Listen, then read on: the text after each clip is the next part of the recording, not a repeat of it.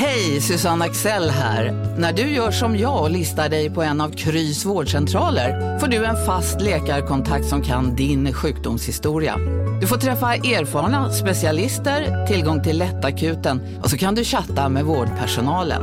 Så gör ditt viktigaste val idag, listar dig hos Kry. Makrorådet från Dagens Industri. Hej och välkomna till ett nytt avsnitt av Makrorådet. Podden som ju handlar om de stora ekonomiska frågorna.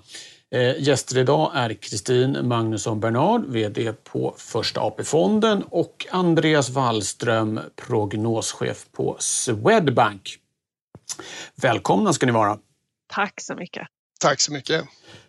Ja, eh, vi, vi, vi, vi måste ju, vi ska prata om den fantastiskt eh, starka statistik som vi har fått in här på sistone. Vi har gjort det mycket, men det går inte att, att gå runt. Eh, sen ska vi också blicka ut lite i världen, prata om Italien där ju Mario Draghi försöker att en gång för alla få någon ordning på den ekonomin som ju realt i princip inte har vuxit på 20 år. Eh, vi ska också få ett begrepp förklarat för oss. Kristin, du ska ta oss in i centralbanksvärlden. En workhorse där, Taylor-regeln, mer om det senare.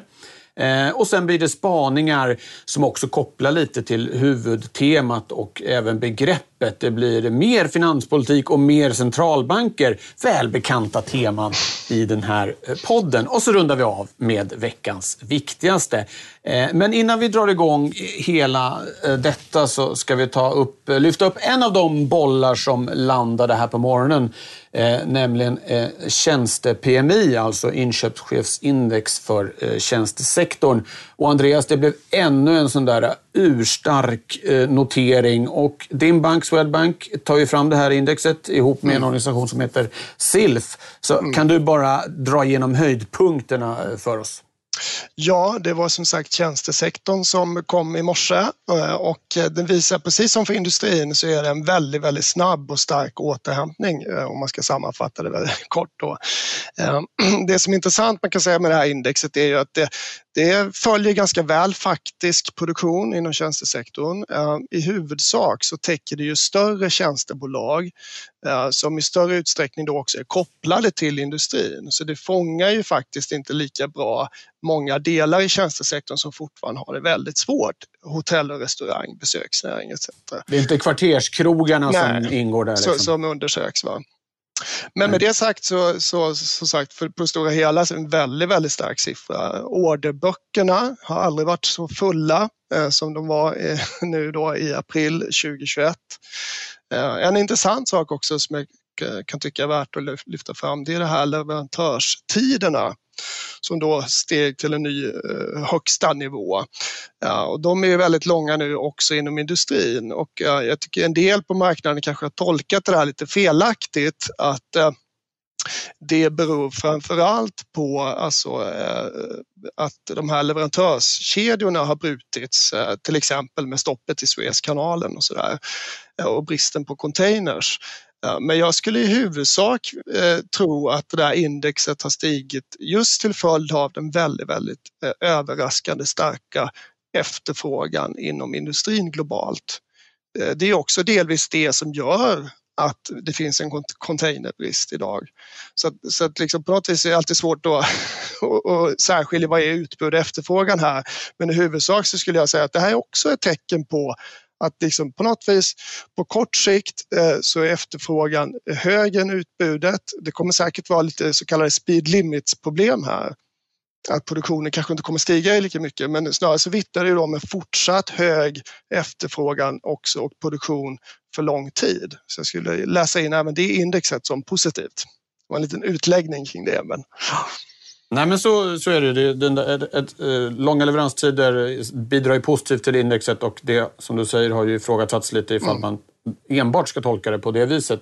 Eh, och det här då eh, kopplar ju in i dagens första huvudtema. Som jag var inne på så har vi fått väldigt, väldigt stark statistik den senaste veckan. Det har ju varit så genomgående under hela, hela krisen här att vi har överraskats gång på gång av hur bra ekonomin har hållit upp. Men, men nu, nu liksom eh, gapar i alla fall jag lite större än tidigare. Eh, Kristin, eh, vi fick ju exempelvis den här BNP-indikatorn. Vi har fått en KI-barometer som Andreas var inne på. Fick vi en Eh, eh, väldigt stark siffra för eh, inköparna inom, inom industrin. Nu på morgonen fick vi också produktionsvärdeindex för näringslivet. Vi fick industriproduktion. Och sammantaget så visar det här att, att den svenska ekonomin nu mer eller mindre är tillbaka på den nivån som gällde innan krisen. Det tog ett drygt år och det är ju snabbare än någon eh, hade trott. Eh, till att börja med, vad allmän din kommentar till den här eh, statistikskörden vi har fått då senaste veckan?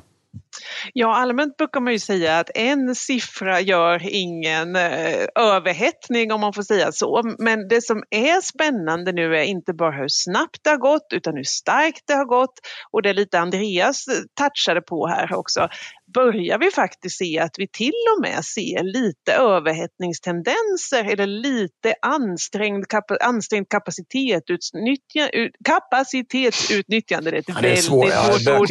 Här, ni, ni, hör ju, alltså, även det studsar man ju på. Så, så, så, så jobbigt är bara ordet.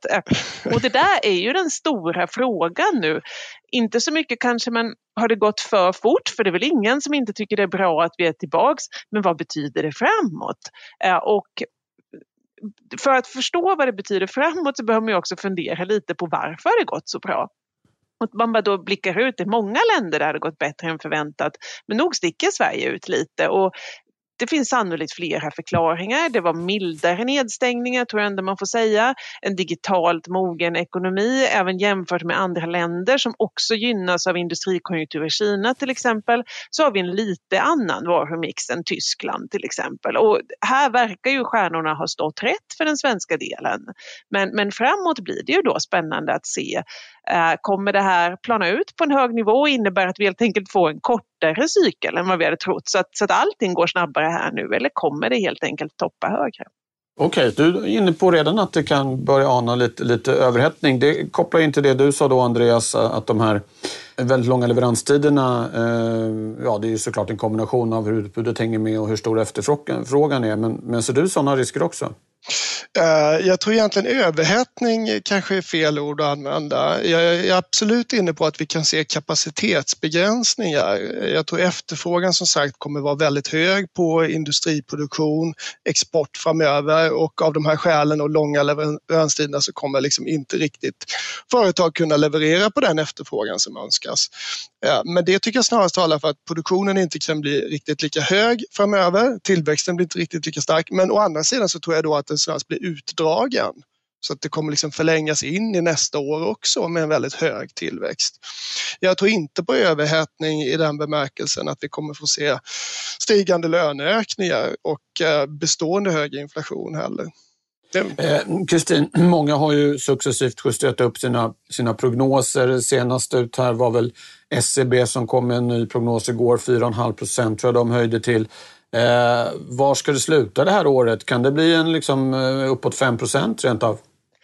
Det, det beror ju också väldigt mycket på vad som händer i omvärlden. Vi är ju inte bara beroende av Kina som vi touchade på innan men kopplar ju nära till euroområdet, vi kopplar nära till USA där vi ser väldigt stora stimulanser i korten och även ett euroområde som nu vaknar till liv ganska ordentligt skulle jag säga även om de senaste siffrorna inte har varit lika starka ännu därifrån. Så det är klart att eh, surfar man på flera positiva vågor så blir ju det en förstärkningseffekt. Eh, 4 var det någon bank eh, som var tidigare tidigt ute med och en bank som gått till. Det brukar ju vara ett antal upprevideringar innan man får slutsiffran så att säga. Så jag skulle nog kunna tänka mig att det finns mer att ge där än vad vi ser nu. Andreas? Ja, vi släppte ju vår prognos för ett par veckor sedan då vi ligger på 3,5 procents tillväxt för Sverige i år och nästa år. Eh, och det är klart att det som har hänt då de senaste veckorna tycker jag också egentligen talar för uppsidesrisker då på den här prognosen redan nu. Men, men det, med det sagt så är det såklart väldigt mycket kvar av detta år och mycket som kan hända. Eh, det, det är ju ändå så att de flesta prognoser, inklusive vår för två veckor sedan, hade förutsett en väldigt stark återhämtning, säg från sommaren. Och det kan göra nu att vi får se den här återhämtningen starkare än väntat i närtid, att den redan har skett delvis. Men å andra sidan, kanske då av kapacitetsproblem eh, eh, så kommer vi inte få se lika hög tillväxt under andra halvåret. Så jag, jag tycker det är väldigt tidigt att summera 2021 än. Men, men indikatorerna just nu, absolut, det är starkare än väntat. Ja, jag håller med om. Eh, I början av maj kanske det är tid att summera året. Men vi försöker ligga före här i, i, i podden. Eh, tack ska ni ha. Eh, vi, jag säger som tidigare, vi får återkomma till det här. För det eh, som sagt, eh, man häpnar eh, nästan varje gång det kommer ett sånt här stort statistikpaket. Nu ska vi vända blickarna söderut mot Italien där ju tillväxten dels då inte har varit fullt så stark på den senaste tiden. Det var också en större nedgång i fjol. Eh, men om vi lyfter blicken både lite bakåt och framåt så är det ju så att Italien i princip inte haft någon real tillväxt sedan euron drog igång i slutet av 90-talet. Ett land som plågas av så kallade strukturella problem.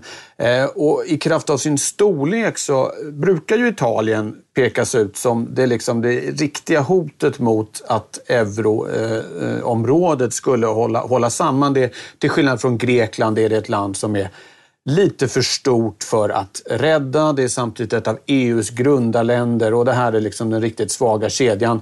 Nu då försöker den nya eller ja, inte jätteny längre, men ganska nya premiärministern Mario Draghi, för detta ECB-chef, eh, lite granna vända på den här skutan. En gång för alla ska det ske och det ska ske i stor utsträckning med hjälp av den här återhämtningsfonden som EU satte upp under krisen och det är enorma belopp som ska, ska investeras. Det beror lite på hur man räknar, men Eh, det som har, de har begärt från EU-fonden är motsvarande 1100 miljarder kronor. Eh, stöden hittills uppgår till motsvarande 700 miljarder kronor. Ett nytt paket har precis lanserats här på ja, motsvarande ungefär 300-400 miljarder kronor. Eh, och det här då ska bland annat gå till att digitalisera den erkänt tröga offentliga sektorn. Det handlar om infrastruktur, det handlar om andra saker.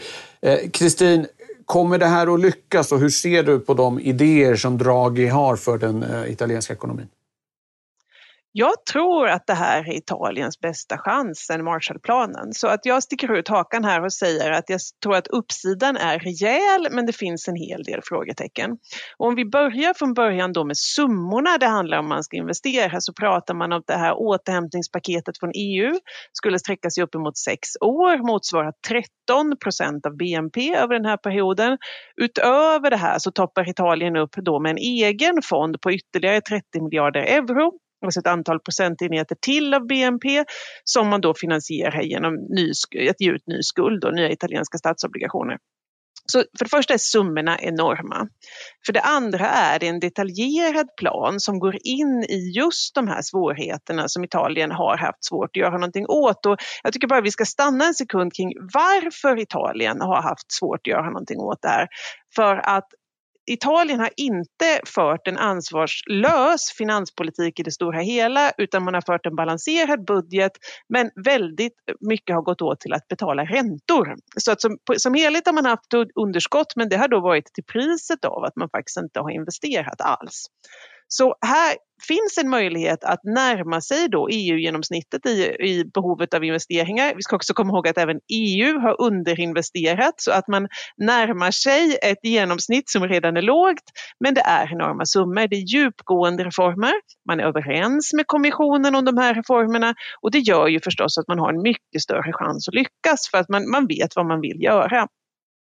Ytterligare en sak som en sån här myt jag tycker vi ska avliva det är att Italien skulle vara beroende av extern finansiering. Italien har nu både ett bytesbalansöverskott och faktiskt en nettoförmögenhet mot omvärlden och det gör att både ur ett flödesperspektiv och i stockarna så kan man finansiera sina egna upplåningsbehov inhemskt då om det skulle behövas. Så man står helt enkelt mycket, mycket mer på egna ben. Så so far so good. Men sen kommer förstås frågetecknen. Även om den italienska statsapparaten är mycket kompetent, en annan myt jag tror vi kan avliva att den inte skulle vara det, så är förstås det här mycket omfattande reformer. Italienska regeringar brukar inte överleva så länge och eh, det gäller ju även den här regeringen som inte har så långt kvar på sin mandatperiod. Så förutom att det är svåra djupgående saker så kommer alltså Draghi bara vara där två av sex år som det ser ut nu. Och där börjar frågetecknen hopa sig. Men ändå sammantaget bästa chansen på väldigt, väldigt lång tid. Andreas? Ja, jag tycker också man ska se på det positivt faktiskt. Ehm, men ehm, och det är väl så här, även om Italien har ju, jag håller med Kristin i det att Italien har ju inte fört en ansvarslös finanspolitik de senaste då, två decennierna. Men kanske en ansvarslös tillväxtpolitik skulle man kunna faktiskt anklaga dem för. Därför att precis som du är inne på Viktor så, så har ju Italiens stora problem varit att ekonomin inte har vuxit på 20 år. Eh, och eh, Möjligtvis så kan det här ändra lite på det. Eh, jag tycker de åtgärder som Draghi har presenterat, till exempel gröna investeringar och en satsning på infrastruktur och digitalisering, det är saker som är bra. Med det sagt så tror jag i och för sig inte det är tillräckligt eh, om jag ska vara ärlig. Jag tror inte det är en game changer. Eh, jag tycker, sig, jag tycker inte heller beloppen är sådär jättestora. Kristin, du nämnde det, 13 procent av BNP. Summerar vi allting så kanske det rör sig om 15 procent på BNP då över sex års tid. Eh, vi kan jämföra med den svenska infrastrukturpropositionen och den plan som vi har för Sverige. Den ligger på 700-800 miljarder kronor kommande tio år då. Eh, och det är också 15 procent av BNP, förvisso över tio år. Så, att, så att det, det, det Italien gör nu, det tycker jag är bra, men det är inte en jättestor boost skulle jag säga, för att det är utdraget ändå över sex år. Så jag, jag, tror inte man ska förvänta sig en, liksom en eh, snabb och hög tillväxt utan de själva uppskattar det ju till att höja tillväxten då, eller höja, höja BNP 2026 med eh, säg 3 procent. Ja, och det är, ju inte, det är ju verkligen inte mycket, då kanske den blir positiv, BNP per capita-utveckling egentligen då, till skillnad från noll. Så att jag tror egentligen det skulle behövas mer faktiskt. Även om det låter som stora belopp så i relation till hur stor ekonomin är och att det är utdraget över många år eh, så är det inte så himla stort. Det är, absolut mycket mindre till exempel det USA nu gör, även om vi inte vet än eh, hur mycket USA kommer de facto göra, för det är inte beslutat allting där. Kristin, vill du ja, kontra kanske är ett starkt ord, men eh, fylla ja, men, på innan vi går vidare? Jag så här att, eh, det, jag tycker det är en viss realism i det här också. Även om det är en ambitiös plan, för det tycker jag att det är, så finns det ändå en chans. Eh, det, det är ju inte heller någon plan, poäng med att annonsera en plan som är så omfattande att man inte kommer klara av den. Uh, och det, den är fokuserad och jag tänker också att utgår man från basen så är det ganska dramatiska förändringar. Mm. Inte om man tänker sydkoreanska tillväxttal, nej men, men givet var man kommer ifrån så är det fortfarande en stor förbättring. Och uh, en stor land, ett stort land som gör en relativt blygsam förbättring blir på det hela taget mycket pengar.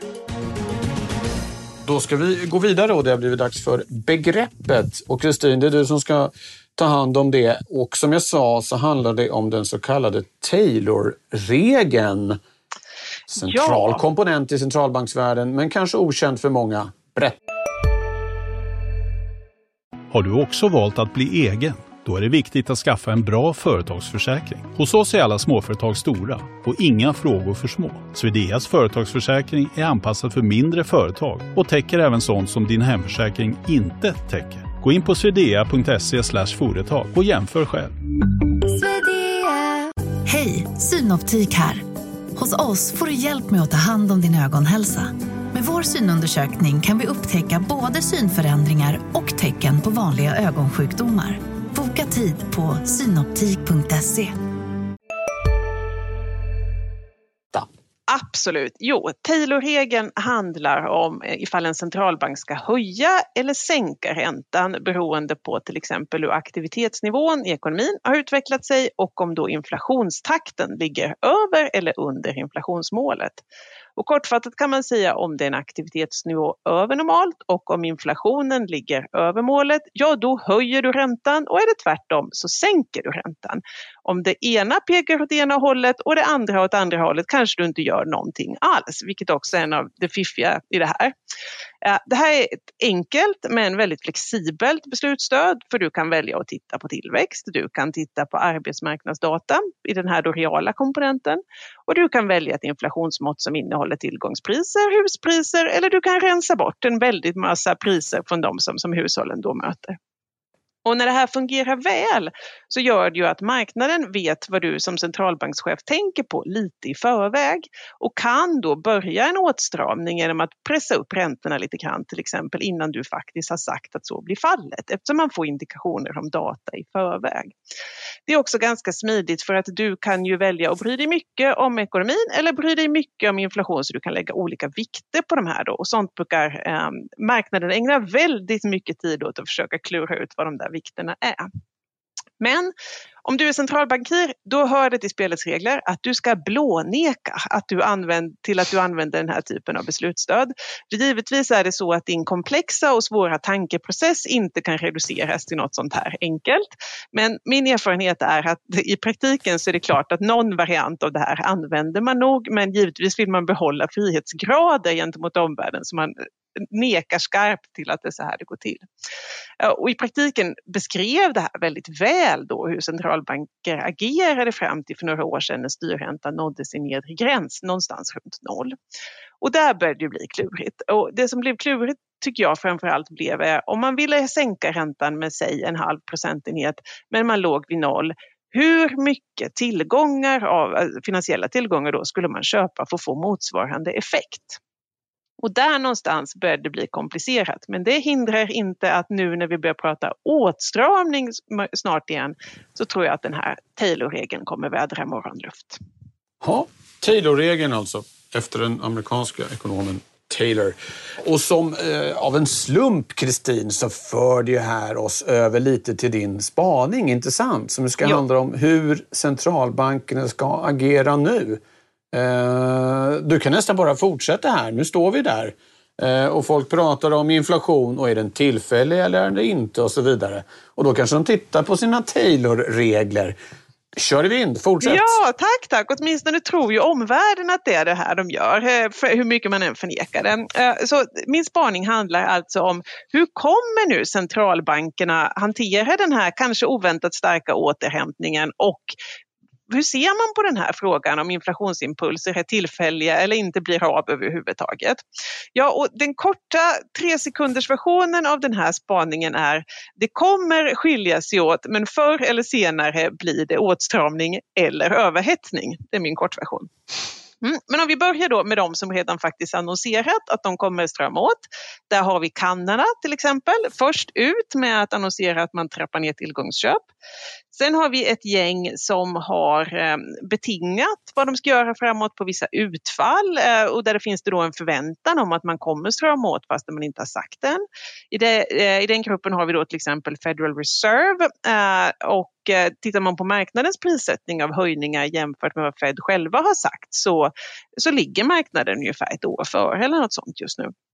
Likaså ECB har betingat ganska hårt på eh, sina tillgångsköp och hur snabbt vaccinationerna går framåt och hur mycket euroområdet återhämtar sig.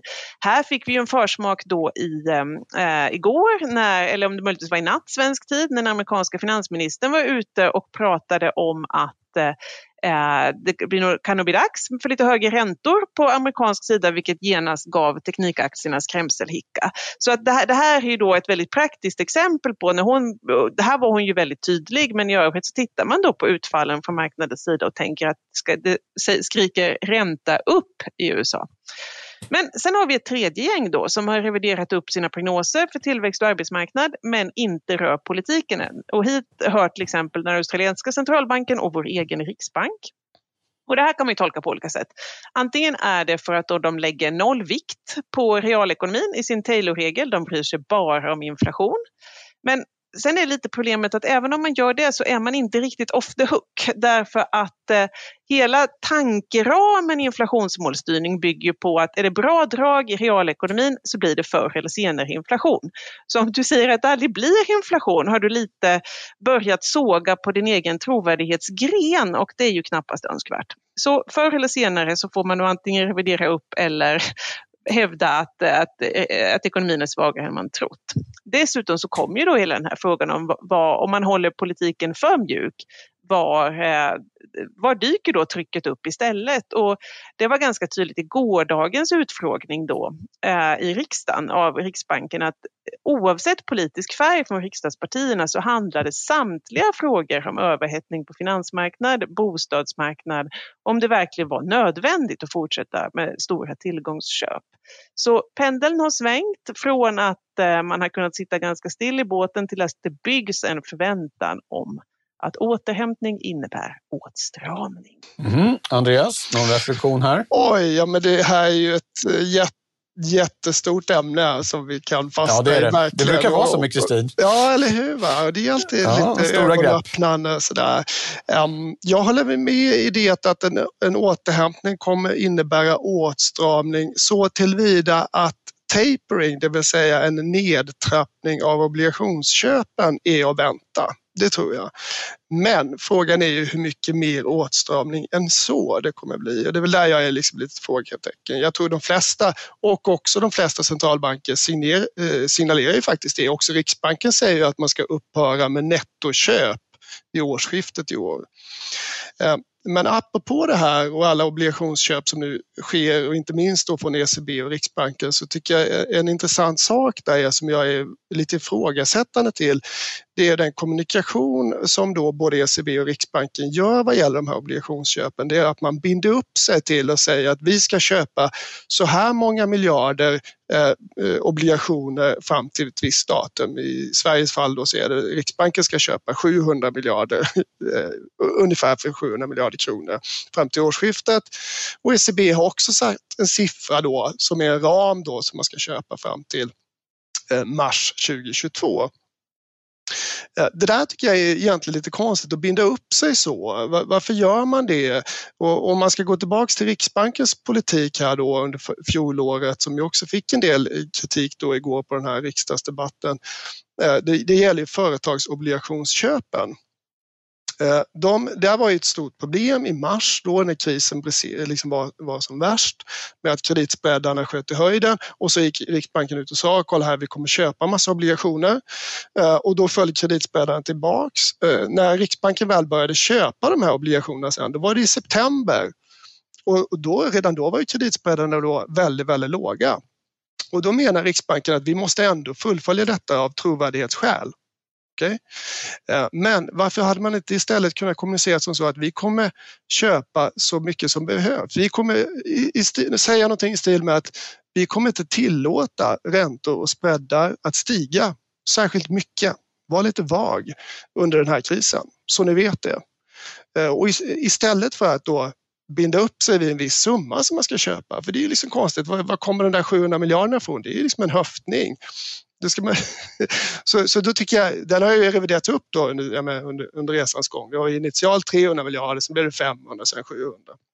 Men jag tycker det är lite konstigt helt enkelt. Jag tycker det är bättre att säga att ha någon slags vag yield curve control, att man säger att vi kommer under den här krisen, för det är det man vill åt. Va? Man vill inte ha högre spreadar under den här återhämtnings eller krisen. Då.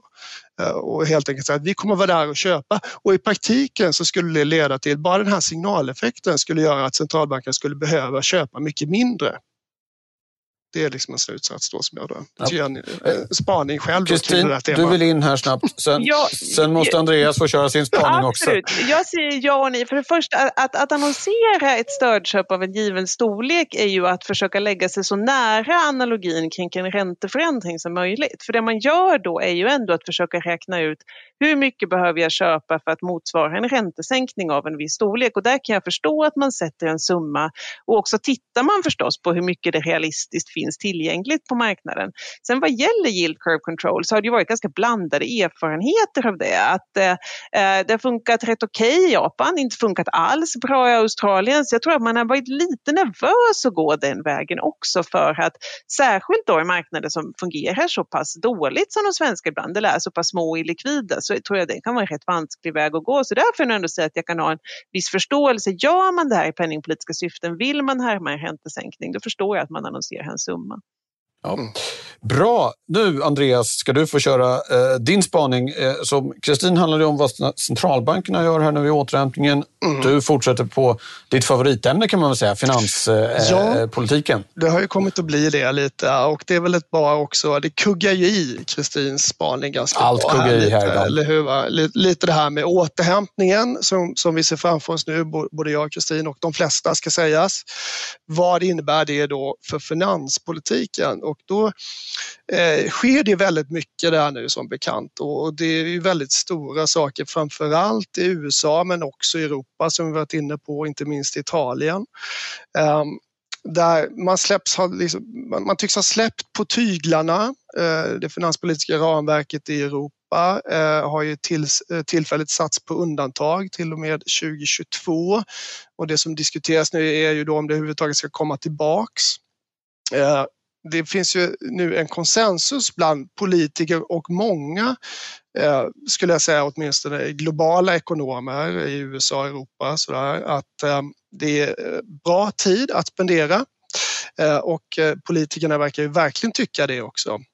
Eh, intressant nog just de länder som har då de mest ambitiösa planerna kanske är just USA och Italien då, där båda finansministrarna nu är tidigare centralbankirer, vilket är lite talande kanske.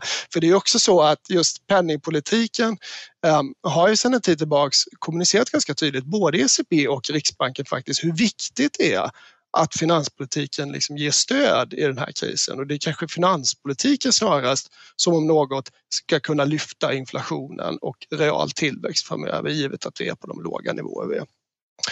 Eh, min spaning här är helt enkelt att eh, eh, finanspolitiken kom, står inför en ny era där det kommer dröja innan vi återgår till de här ramverken och den strama politiken. Och jag ser också tecken på det i Tyskland som kommer vara väldigt viktigt för det, om man tittar på de här gröna nu som enligt opinionsmätningarna röner stora framgångar och kan ju faktiskt bli största parti då i september. Eh, de gröna har ju som många gröna partier mer ambitiösa gröna investeringsplaner såklart. Det är så också i Tyskland. Eh, de har något paket på 500 miljarder euro då, vilket eh, också faktiskt motsvarar ungefär 15 procent av tysk BNP under en tioårsperiod. Så det är inte jättestort, men det är liksom signifikant ändå.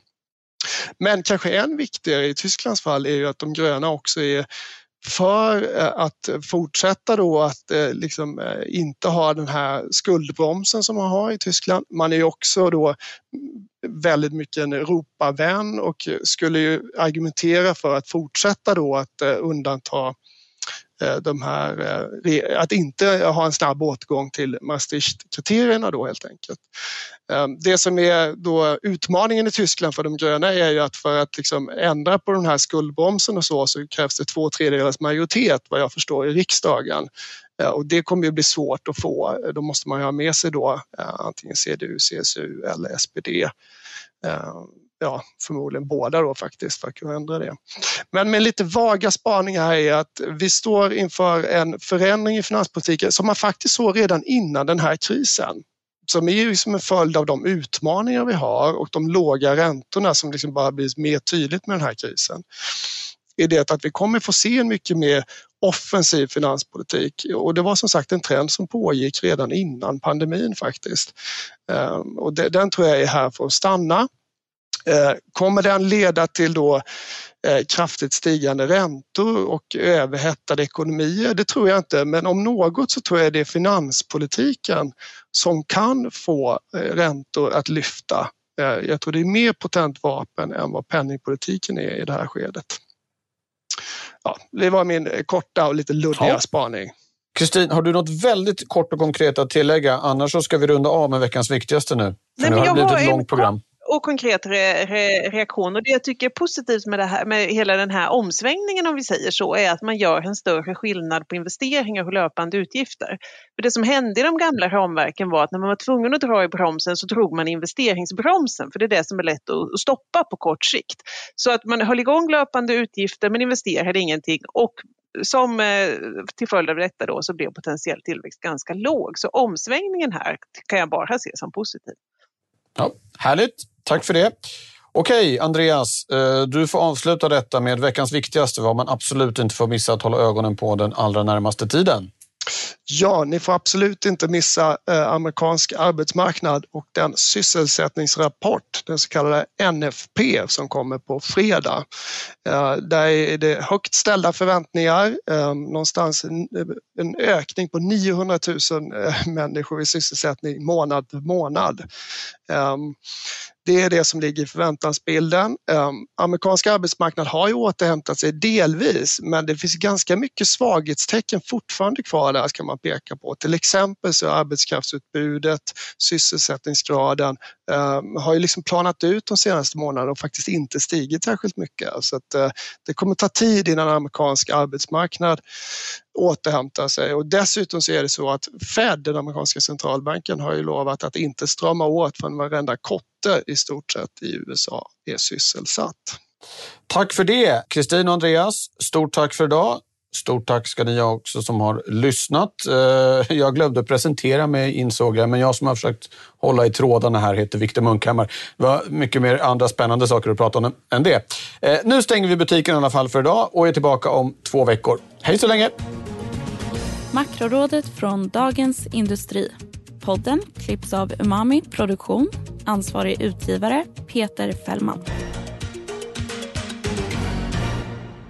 I DITVs program Hållbart näringsliv fokuserar vi på företagens E, S och G. Vilka är utmaningarna och vilka är lösningarna? Hör storbolagen om omställningen, entreprenörerna om de nya möjligheterna och dessutom tipsar förvaltare om sina bästa hållbara aktiecase. Missa inte Hållbart näringsliv med mig, Nike Mekibes, varannan onsdag på DITV och på di.se.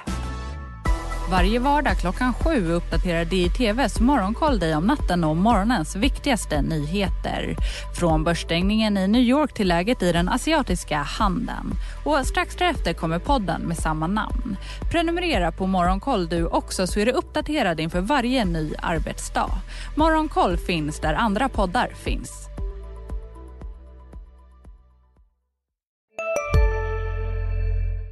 Välkommen till Maccafé på utvalda McDonalds restauranger med Baristakaffe till rimligt pris. Vad sägs om en latte eller cappuccino för bara 35 kronor? Alltid gjorda av våra utbildade baristor. Ska några små tassar flytta in hos dig? Hos Trygg Hansa får din valp eller kattunge 25% rabatt på försäkringen första året. Läs mer och teckna djurförsäkringen på trygghansa.se. Trygg Hansa, trygghet för livet.